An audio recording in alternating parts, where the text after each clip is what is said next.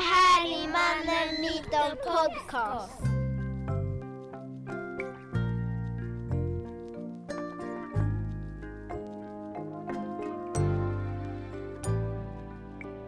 Det här är Mannen Myten Podcast. En serie som totalt nördar in sig i manlighet. Är den manliga Terminator-arketypen bara en myt? Och i så fall, hur förhåller sig olika grupper av män till den? I den här podden lyssnar vi på mäns berättelser. Med hjälp av de smartaste tänkarna vrider och vänder vi på mäns erfarenheter och försöker förstå sambandet mellan det personliga och det strukturella. Målet är att hitta nya perspektiv så att vi kan komma framåt och förändra manligheten till det bättre för fler. Jag heter Shaba Ahmadian och är den ena av två programledare. Och jag, Svante Tidholm, är den andra. Vi är en del av Arvsfondsprojektet Mannen Myten på organisationen Män. För jämställdhet och mot våld.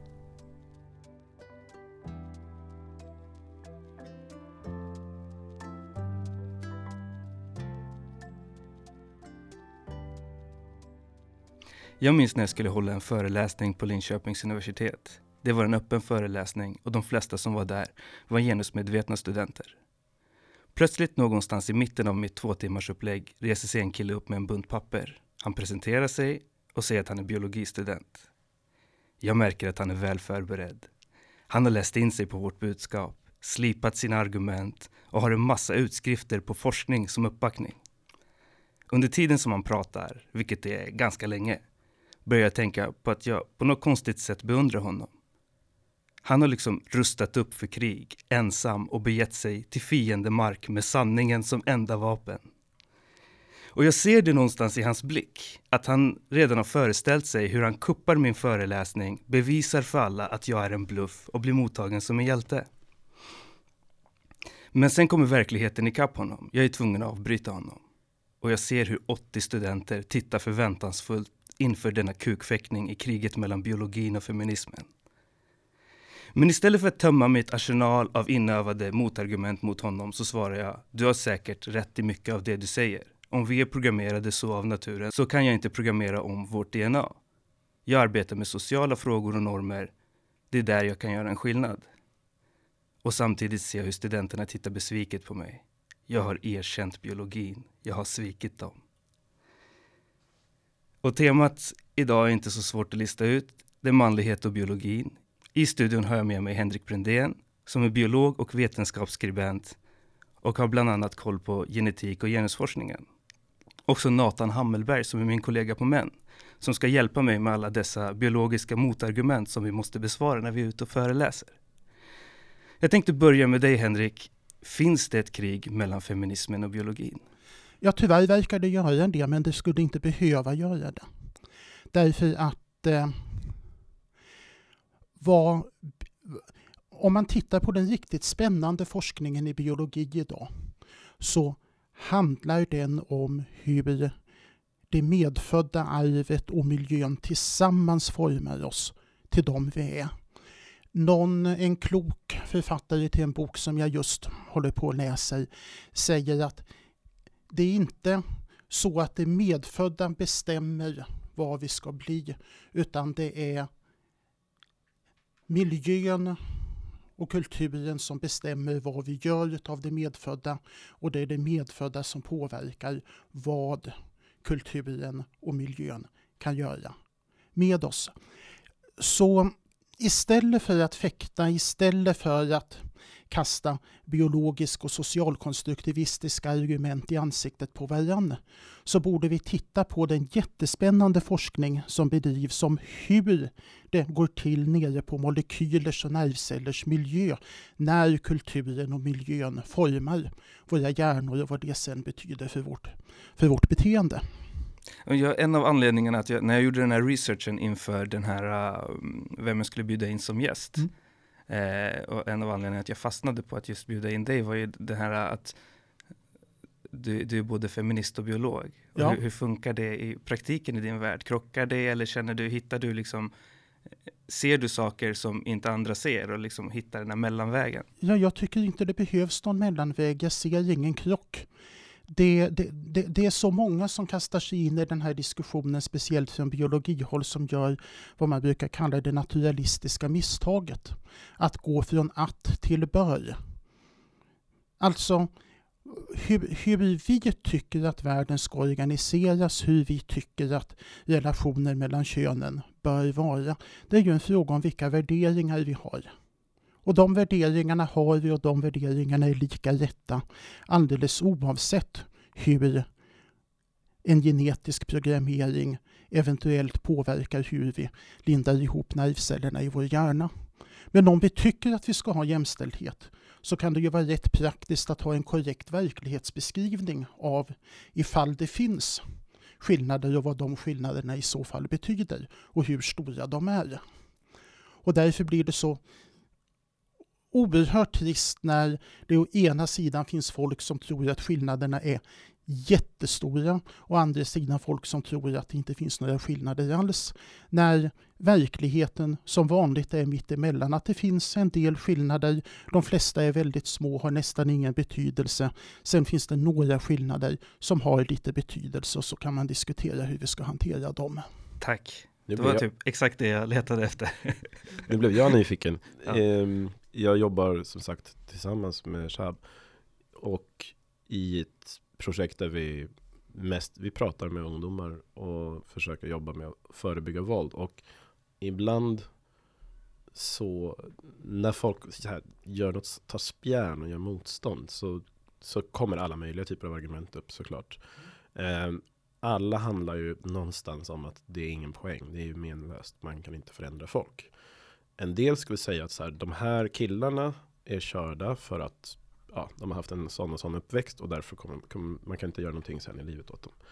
Andra säger det har ingenting med liksom kultur att göra eller uppväxt. Utan att det blir de är så genetiskt. Det blir som när man kollar på så här massmördarfilmer, eh, någon så här Silence of the Lambs. Man tror att det är någon, så här, någon föddes genetiskt psykopat. Eh, så jag tänker, vad är de här sakerna som är jättesvåra att göra någonting åt? Så. Finns det några sådana? Väldigt mycket mindre än de flesta älskar att tro. Det är som jag sa, det är hela tiden ett samspel mellan vad man ärver och den miljö man växer upp i. Man har hittat en handfull gener som i alla fall i den lite grövre populärvetenskapen brukar kallas för gener för våldsamhet och aggressivitet och så vidare. Men när man tittar noggrannare på det så visar det sig att de här generna som man kallat aggressivitetsgener gör att de människor som redan från början har en tendens till aggressivitet och har växt upp i en miljö som ökar risken för aggressivitet, de blir aggressivare än de som inte har, lite aggressivare, det är väldigt små effekter det är fråga om, än de som inte har den genvarianten. Medan hos människor som växt upp i miljöer som ger en hög sannolikhet för icke-aggressivt beteende, där blir människorna med den här så kallade aggressivitetsgenen mindre aggressiva. Så det är hela tiden, vad har genen för effekt? Det beror på miljön. Vad har miljön för effekt? Det beror på vilken genvariant du har. Och det är omöjligt att säga att den ena eller den andra är den som styr, för de styrs tillsammans. Är det höjden eller bredden som bestämmer hur stor en, en rektangel ska vara? Jag tänkte komma tillbaka till där jag var innan Nathan kuppade. jag tänkte fråga dig Nathan kring det här med liksom erfarenheter av typ som den historien jag berättade där i början. Att du är med om eh, samma sak och hur brukar du förhålla dig när du måste liksom handskas med biologiargumenten när du är ute och jobbar på fältet? Har du några exempel på ett så här återkommande argument som du kan ah. bolla nu när vi har ja, ett proffs med oss? Ja, nej men det, det, argumentet brukar alltid vara så naturfilmsaktigt och så tänker man lite man har hört så många gånger att de där naturfilmerna ofta är lite så här välregisserade de tagit bort sånt som inte passar in, typ så här, homosexuella djur och sånt där. Men det är så här på savannen. det är alltid ja, så klarade vi oss för och så är det så här homo habilis eller jag vet inte vad. Och sen så försöker det sätta någon så här gräns för vad vi kan göra idag när vi har Gorby's pizza och mikrovågsugn. De där argumenten när man tittar på en massa andra djurarter, det är så ovetenskapligt. Eh, om, man, om man tittar på hur, hur, hur samspelet kring sexualitet fungerar hos olika arter så ser man att det finns en enorm variation även mellan väldigt närbesläktade arter. Om man tar schimpansen och den här dvärgschimpansen bonbonen så har de fullständigt diametralt olika olika sätt, olika system. Där schimpansen, där är det verkligen patriarkala system medan hos bonbonerna så är det närmast matriarkal.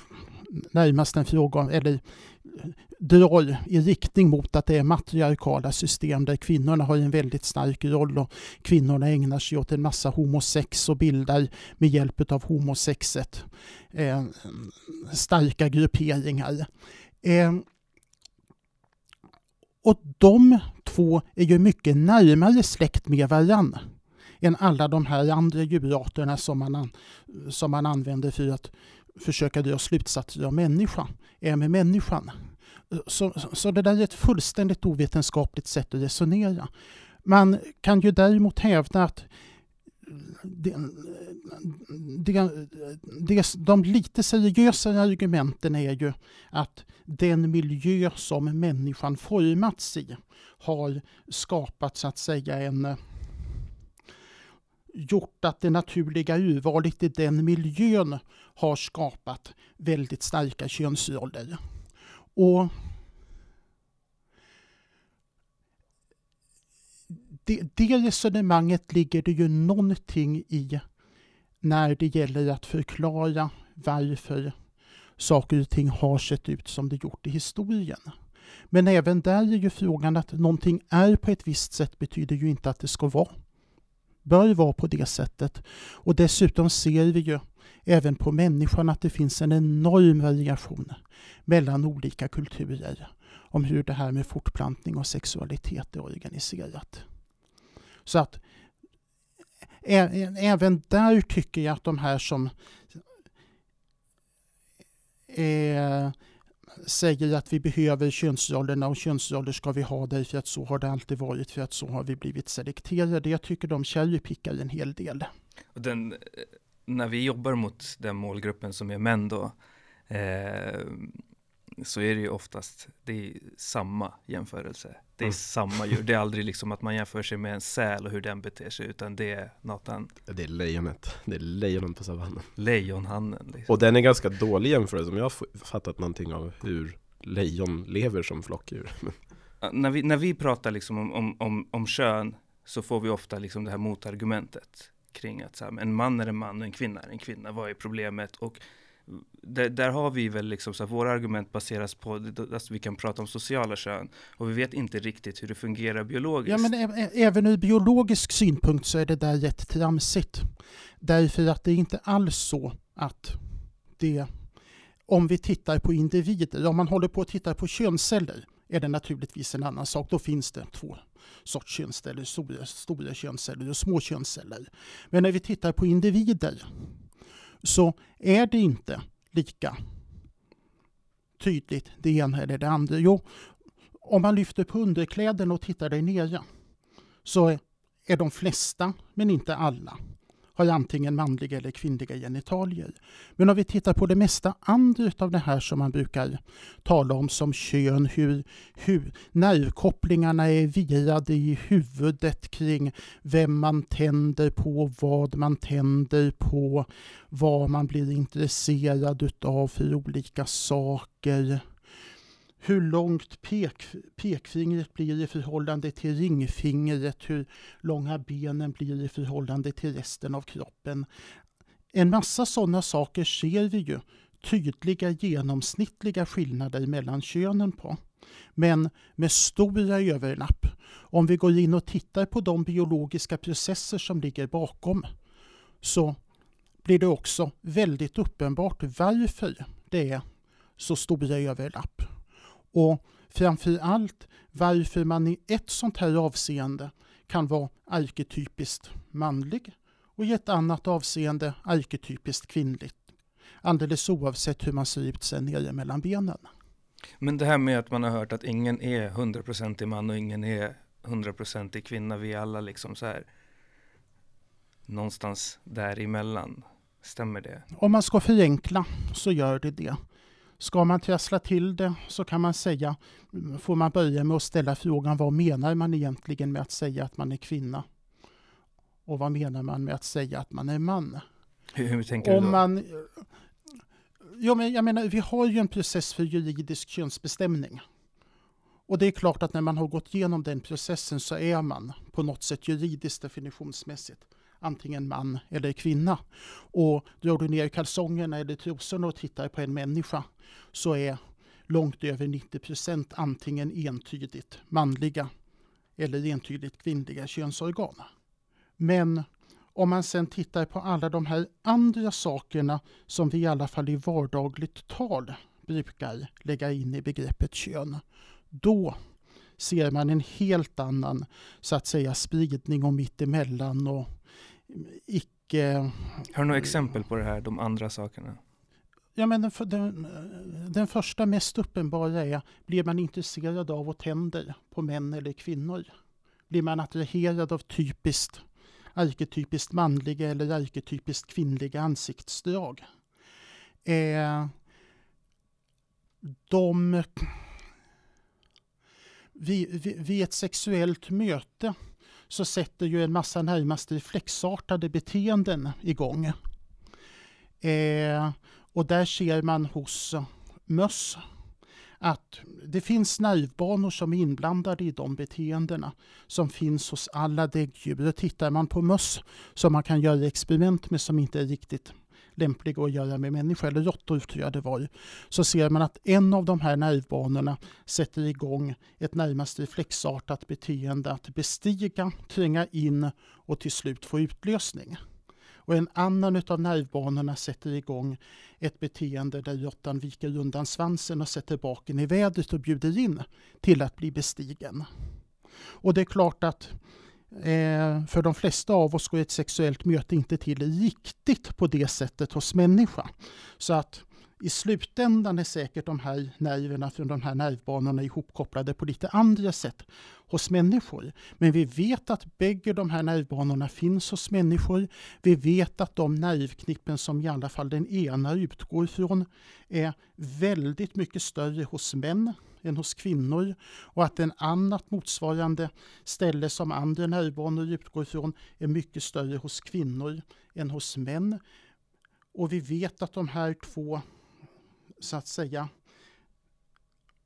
reaktionsmönstren finns hos alla män och hos alla kvinnor, men den relativa styrkan skiljer. Och då i det arketypiska fallet så är bestigarreflexen mycket starkare hos manliga möss än svankarreflexen och tvärtom. Men det finns män som har starkare svankarreflex än bestigarreflex, eller manliga möss. Och det finns kvinnliga möss som har starkare bestiga än svankarreflex. Så att det finns till, till, till och med när det kommer till, till det va, så, så är det ett kontinuum, visserligen två puckar. En det arketypiskt manliga och sen en det arketypiskt kvinnliga. Men sen finns allt däremellan också. Ska vi fortsätta lägga sådana här frågor som vi får? ja, Gärna. Jag, jag, jag, har en till sån här som är, jag får ganska ofta som handlar om att så här, men killar ska ligga runt för att killen vill sprida sin säd. Vi har så här oändligt med spermier medan tjejer har få ägg och därför vill ha en fast partner. Mm. Ja, jag hör den liksom hårt förenklat så är det ju också att de försöker eh, vad ska vi säga, legitimera någon sorts en kille som har fått många tjejer eller som har erövrat har många sexuella erfarenheter är eh, liksom, ja det är medalj för det och en tjej som har varit runt mycket är dålig. Man hittar liksom den här, ja, ett Biologi, biologiskt argument för ja. ja. Men just också så här, rätt hårt det här att så här, men du ska ju välja en bra som tjej. Att det är så här, det är direkt dåligt att Återigen har vi här det naturalistiska misstaget. Alldeles oavsett ifall, alldeles oavsett vad evolutionen kan ha präglat in i våra gener, så tittar vi in i våra värderingar och frågar oss hur vill vi förhålla oss till våra medmänniskor för att kunna se oss själva i spegeln.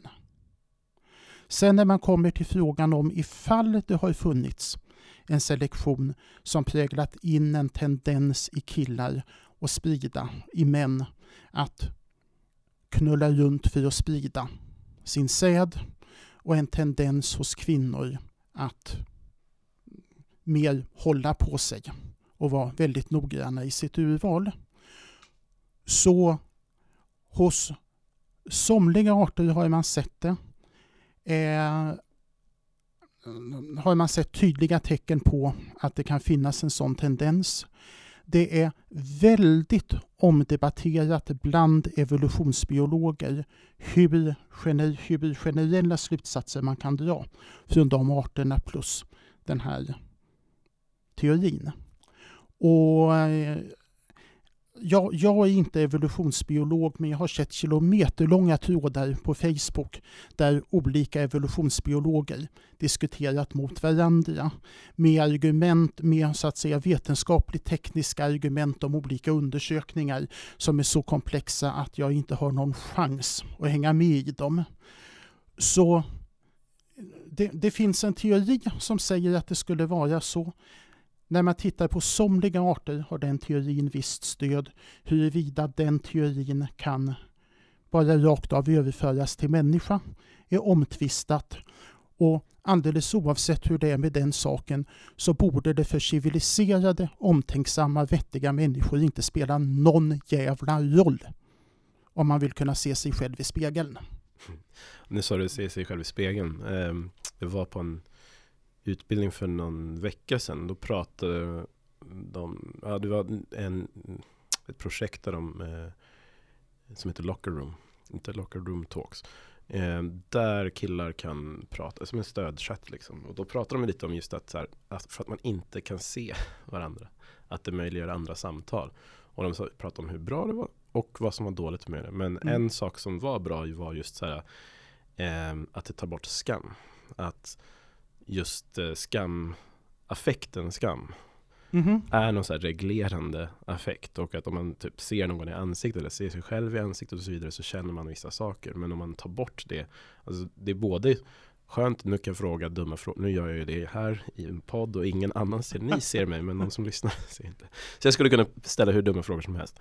Men eh, om man kan göra det anonymt, liksom, då vågar man ju fråga andra saker. Och det är skitbra för just till exempel att killar känner eh, inte kanske skam, men de känner sig omanliga, inlärt om de pratar om vissa saker eller de frågar om vissa saker. Men om de slipper stå för det här var jag som frågade det här. Ja, om det var visst det var mycket folk har frågat liksom, när det varit anonymt om liksom, ensamhet, prestanda, sexuella erövringar. Ja. Men det jag vill komma till var väl just det här med igen samspel av biologi och, och eh, mm eh, det sociala. Att vi lär väl oss just det här med, alltså en sak att reagera på skam, men vad vi lär oss att känna skam inför är väl socialt eller kulturellt. De allra flesta biologer som funderat över det här med skuld och skam säger att vi har en rätt stark biologisk programmering att kunna känna skam inför det som anses som vi vet att människorna runt omkring oss eller det vi tror att människorna runt omkring oss tycker är fel. Men att vad vi går och tror att människorna omkring oss tycker är fel, det är inlärt och kulturberoende och skiljer rätt mycket mellan olika kulturer. Mm. Jag tänker att det där öppnar upp så mycket. Å ena sidan att folk vågar testa att leva andra identiteter än de är online. Men det testar också att folk eh, agerar som troll anonymt. Ja, precis. Så det är liksom ett helt spektra. Men det där är väl liksom någon form av flockbeteende? Alltså att man förhåller sig till de andra. Är det inte det? Ja, visst, människan, människan är ju en social varelse. Och skälet till att vi har, de allra flesta biologer är övertygade om att skälet till att människan kunnat bli så framgångsrik är att vi lärt oss samarbeta i grupper där vi tar tillvara på, där vi hjälper varandra, stöttar varandra, i någon utsträckning är solidariska mot varandra och därmed kan ta tillvara varandras kompetenser, bibehålla en större mängd information över generationsväxlingarna än om all information som ska sparas i gruppen behöver överföras från varje förälder till varje barn. Och man kan specialisera sig och man kan utveckla kultur på ett så att säga effektivare på ett effektivare sätt. Så just genom att vi varit sociala har vi varit framgångsrika. Men det här med socialiteten har både en, om man sätter sig som en moraldomare, en eh, framsida och en baksida. Där framsidan är att vi har av allt att döma en programmering att hjälpa varandra inom gruppen och å andra sidan också en programmering att vara livrädda för att gruppen ska döma en och kasta ut den ur gruppen. Alltså det där är så spännande för att mm. det är ett annat argument som vi ofta får, alltså som är kopplat till det här. Det ena är ju liksom det här med liksom, eh, att man har en grej kring eh, eh, ja, men som hur det var förr. Men sen finns det det här framtidsscenariet också. Ja. Att så här, man målar upp för, för en och så här, men när jorden går under då? Eh, och jag har fått det här, det, det, här är så stört att jag har fått Zombiefilmsgrejen. Ja, jag har fått det här i tre olika fall, helt så här, oberoende av varandra när jag varit ute, att folk har jämfört med när, när jorden går under då, som i The Walking Dead, att tre olika män har dragit samma serie, att så här, zombieapokalypsen kommer, och där de har menat lite så här, ja men då kommer jag behöva mina manliga egenskaper, då behöver jag vara liksom tuff och stark och alla de här grejerna. En ensam, tuff, stark man har ingen chans att klara sig genom zombieapokalypsen. Till det behöver du en stor grupp med människor som är hänsynsfulla mot varann och som hjälper varann. För man behöver mängder av olika kompetenser för att kunna bygga upp ett nytt samhälle och en ny fungerande värld efter apokalypsen. En ensam människa har ingen chans. Och, och, och det har vi sett så många gånger. Det, det, det ser man spår i människans arvsanlag av. Att ett antal gånger så har på ett visst ställe på jorden en rätt liten grupp blivit kvar, antagligen efter någon typ av miljökatastrof eller miljöförändring. Och sen har en stor population växt ut från den lilla gruppen.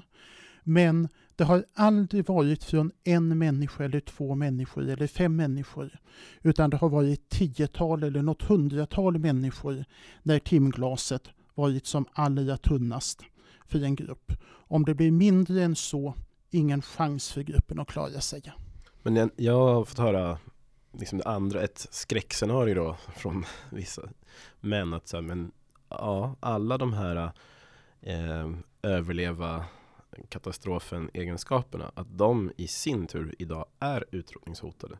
Att man kan ta liksom massor av manuella arbeten som har traditionellt manliga som håller på liksom eh, ersättas av robotar eller automatiseras. Eh, till och med, ja men ta räddningstjänst till exempel så finns det mycket mera teknik som utför arbetet. Och i någon bemärkelse så arbete i sig feminiseras. Att det som inte går att ersätta med automatiska saker är kanske så omsorg, vård, service, mellanmänskliga saker.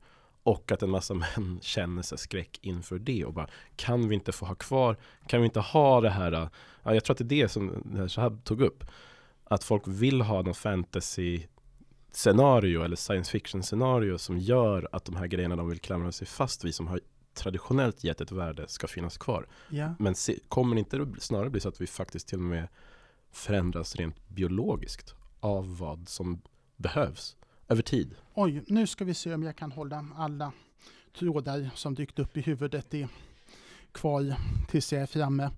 Eh, de här kompetenserna är ju inlärda kulturella saker. Och det ligger naturligtvis en hel del i det du började med att säga att med teknikaliseringen av samhället så finns det kompetenser och kunskaper som riskerar att gå förlorade som vi skulle behöva i efter zombieapokalypsen. Där du slutade om det kommer att leda till en så att säga biologisk selektion där de här egenskaperna som behövs för att kunna göra de här sakerna eh, kommer att sorteras bort. Det kommer att ta tid i så fall. Det är fråga om många århundraden eller några årtusenden, inte årtionden. Riktigt så snabbt går inte evolutionen. En gång i världen trodde man att evolutionen tog hundratusentals eller miljontals år men det vet vi nu att det kan gå på några hundra eller några tusen år för en gen att gå från att vara väldigt ovanlig till att vara väldigt vanlig ifall den ger en väldigt stor överlevnadsfördel. Men då är det snarare en överlevnadsfördel i stil med att klara sig, att ha mycket större chans att klara böldpesten. När böldpesten dyker upp än en gen som gör en, en liten aning fysiskt, fysiskt starkare. Alltså när vi ändå är här så är det, det, det är ju här, det här är ju liksom någonstans nyckeln. Det här är liksom så här, även, det, det, är väl typ det första man får höra, speciellt bland den yngre målgruppen, mm. när man jobbar, att så här, men killar är ju fysiskt starkare. Och sen den äldre, de äldre brukar ju mer köra om att, så här, att um, inne på samma banor men också kring att så här, men det är det eh, kvinnor vill ha av naturen. Liksom. De är programmerade, alltså där, tillbaka till lejonhamnen, liksom den som är bäst, störst och starkast och bäst på slåss, den vill liksom kvinnor ligga med. Det där finns det inte så mycket vetenskapligt stöd för när det gäller människor. När man tittat på studier utav eh, vad de studier jag kan minnas om vad kvinnor är intresserade utav hos män handlar om relation mellan axelbredd, midjebredd och bakbredd. Det handlar om somliga drag i ansiktet där man lite förvånande kunnat visa att de här ansiktsdragen samvarierar med hur, eh, hur stor motståndskraft man har mot infektioner. Och lite andra sådana saker. Men visst, eh, vi vet ju också att i de allra flesta par så är mannen längre än kvinnan. Men om det beror på att det är kvinnan som vill ha en större man eller om det är mannen som vill ha en kvinna som tittar upp på honom och inte ner på honom kan vi ju fundera över. Mm.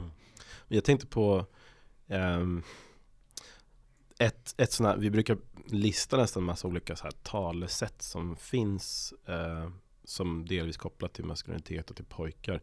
Ja men klassiskt är så här Let boys be boys eller Man up eller och också omvända att säga att någon spelar som en kärring eller är du bög eller vad som Alltså att det är massor av olika anspelningar på kön och sen också om man, om man tittar på till exempel, nu finns det ju ganska mycket studier på att eh, pojkar presterar sämre i skolan än tjejer, alltså faller i, i prestationer i många ämnen, mm. läser mindre och så vidare. Och då tänker jag att det här jag tror att det delvis, det handlar säkert om massa förändringar på arbetsmarknad och, och så ett samhälle som ställs om och där informationsinhämtning på ett visst sätt och nätverkande, att stötta varandra blir viktigare. Medan det förut kanske var viktigt att vara ensam är stark, relativt sett. Och då tänker jag just att let boys be boys, den inställningen är ju någonstans att släpp, att låta killar ta stryk på arbetsmarknaden. Men om man säger så här, nej men låt oss förändra vad killar får för stöd eller uppmuntras till eller så, så ger man dem en chans. För tio år sedan, jag bara tar kort exempel, så jobbade jag på Utbildningsradion och tittade på eh, skolor där man till exempel på fordonstekniskt program jobbade med infärgning av språk. Att man var, det, det som ni traditionellt har fått lära er som har valt sån här linje eller program kommer inte räcka. bilar är liksom rullande datorer. Eh, kundserviceavdelningarna på, på bilverkstäder är bortrationaliserade. Du som mekaniker måste ha massa sociala kompetenser och kunna prata flera språk. Och väldigt många av de som sökt de här linjerna förut har traditionellt sett varit ganska skoltrötta killar. En del också med inlärningssvårigheter, vi ska inte generalisera. Men då är att inte svika de killarna är att säga så här, vad tala tydligt om det här kommer behövas och stötta. Och de, därför tänker jag just att den här liksom det naturalistiska felslutet som du pratar om. Let boys be boys är ett uttryck för det. Det är livsfarligt om man säger bara släpp allting och, och bara kör på i traditionsspår. Ja, det är det. Jag tänker på en, en av de intressantaste och kanske betydelsefullaste biologiska skillnader vi ser mellan killar och tjejers hjärna. Det är hur, inte hur stora olika bitar i hjärnan är i relation till varann, utan arbetet när de olika bitarna i hjärnan kopplas ihop med varann, någonting som neurobiologer brukar kalla för konnektivitet i hjärnan. Och där ser man att den ökar väldigt mycket just under tonåren. Och det finns väldigt goda skäl att tro att den ökningen av konnektivitet eh, påverkar både sociala förmågor, intellektuella förmågor och överhuvudtaget eh, social och känslomässig mognad. Och där ser man när man jämför killar och tjejer att den här tillväxten i konnektivitet kommer mellan ett och ett genomsnitt mellan ett och ett och ett halvt år tidigare hos tjejer än hos killar. Och det sker just den här största skillnaden, det största gapet, är just under den tid man befinner sig i högstadiet. Och jag tror att den observationen har väldigt mycket att göra med det vi pratat om nu. Alltså det, det är ju vardagskunskap att tjejer mognar tidigare än killar i högstadiet och kommer tidigare in i puberteten och börjar intressera sig för det andra könet tidigare och utvecklar sociala förmågor tidigare. Men de blir också intellektuellt mogna tidigare än vi killar. Och ändå går vi bredvid varann i skolan under högstadiet. Och jag tror, men nu, nu är vi inne i min, i min privata tolkning utav det hela. Men jag tror att anledningen till att killar börjat sacka efter i skolresultat så mycket under de senaste tio åren har att göra med att tidigare, den gamla pluggskolan, var riggad för de omogna killarnas behov. Och tack vare att den gamla pluggskolan såg ut som den gjorde så kunde killar hålla jämna steg med och kanske till och med ligga i näslängd före tjejerna trots att de var så, vi var så mycket omognare i genomsnitt. Men med den förändrade pedagogik som slagit igenom mer och mer de senaste 10-15 åren, där mer och mer där sociala kompetenser blir viktigare och viktigare i skolarbetet, så märker vi plötsligt att tjejerna i genomsnitt är ett och ett halvt år mognare. Och får, kom mycket tidigare kommer fram till den, så att säga, position i sin mognad och utveckling att de kan prestera bra i skolan. Så typ killar borde börja som sjuåringar och tjejer som sexåringar i ettan, skulle det liksom jämna ut? Jag, jag vet, jag, det, det är en jättebra fråga vad man ska göra åt det. Men inte, En, en, en lösning skulle naturligtvis vara att man säger att man särar killskolor och tjejskolor och så har man lite olika pedagogik under just de där åren. Men då, då tappar vi ju bort det faktum att det här bara är fråga om genomsnittliga skillnader. Där det naturligtvis finns ett gäng killar som är mycket mognare än några av tjejerna i varje klass. Även om de flesta tjejer är mognare än de flesta killar. Så jag vet inte fåglarna hur man, hur, hur, hur, hur man rent konkret Men- ska göra med det här. Individuella bedömningar. Ja, jag tänkte också det. Men jag, nu kopplar jag på det sociala. Ja. Eh, jag tänker bara att i vårt arbete så vi utgår mycket från att, eller vi brukar ofta prata med killar och tjejer eller människor oavsett kön om vad de har för förväntningar och vad de känner att de, alltså i för, förlängningen, vad kommer de bli belönade för? Och vad kommer de bli bestraffade för? Och där kan man se en så här social förändring bland killar som blir lite så här starkare tycker jag. Att du visar dig manlig om du lite skiter i. Om du, det är ett sätt att visa att du är liksom en autonom kille som inte liksom fogar dig. Sen beror det på vad. Om du tränar skithårt på någon idrott och redan är rätt grym på det, då kan du få respekt för det. Men om du är liksom en plugg, och det här är ju inte supernytt, men det har blivit starkare. Då förlorar du status i den sociala sammanhanget. Sen Mm. skulle man ju ställa frågan, var ser du dig själv om tio år till den killen som, som så lever ut det där?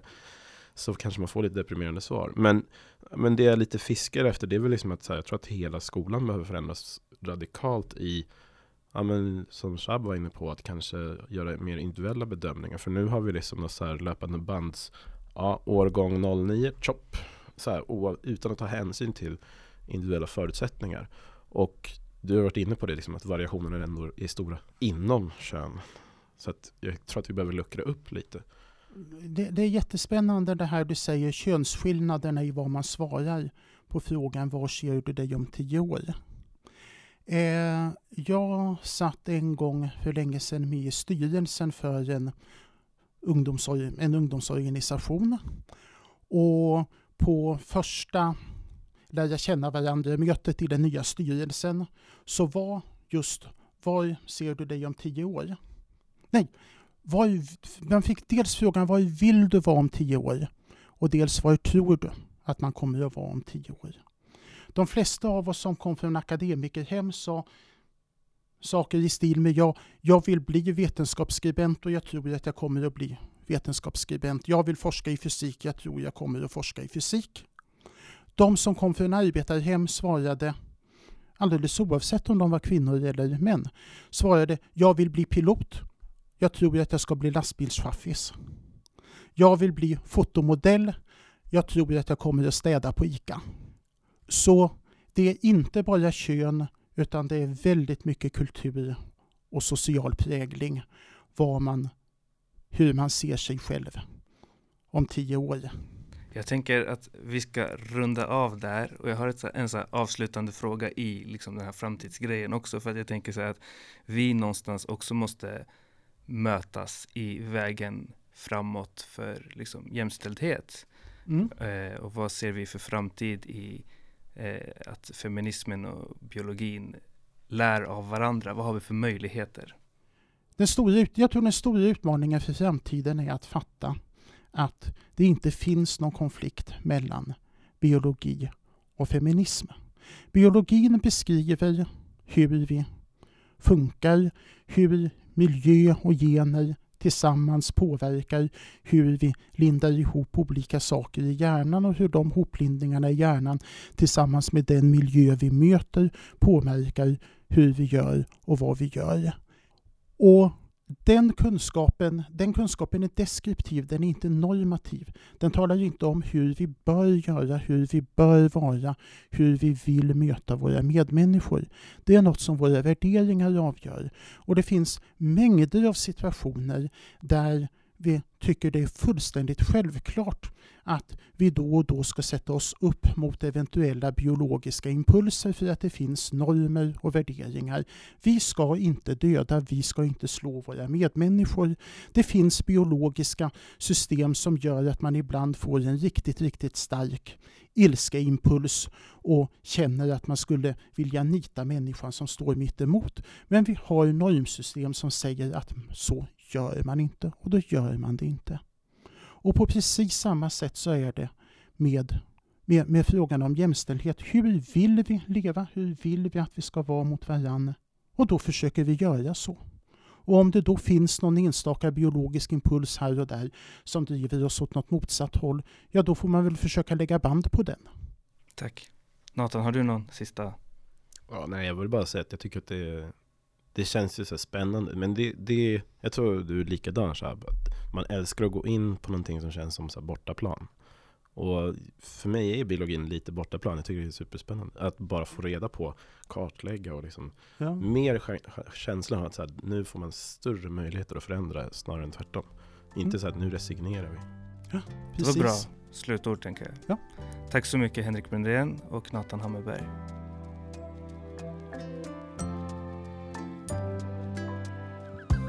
Du har lyssnat på ett avsnitt av Mannen, Myten Podcast. Vi är en del av organisationen MÄN och är finansierade av Arvsfonden.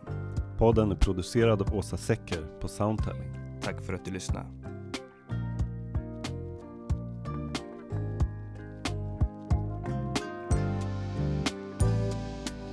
Tack för, Tack för att ni har lyssnat. Hej då! Hej då!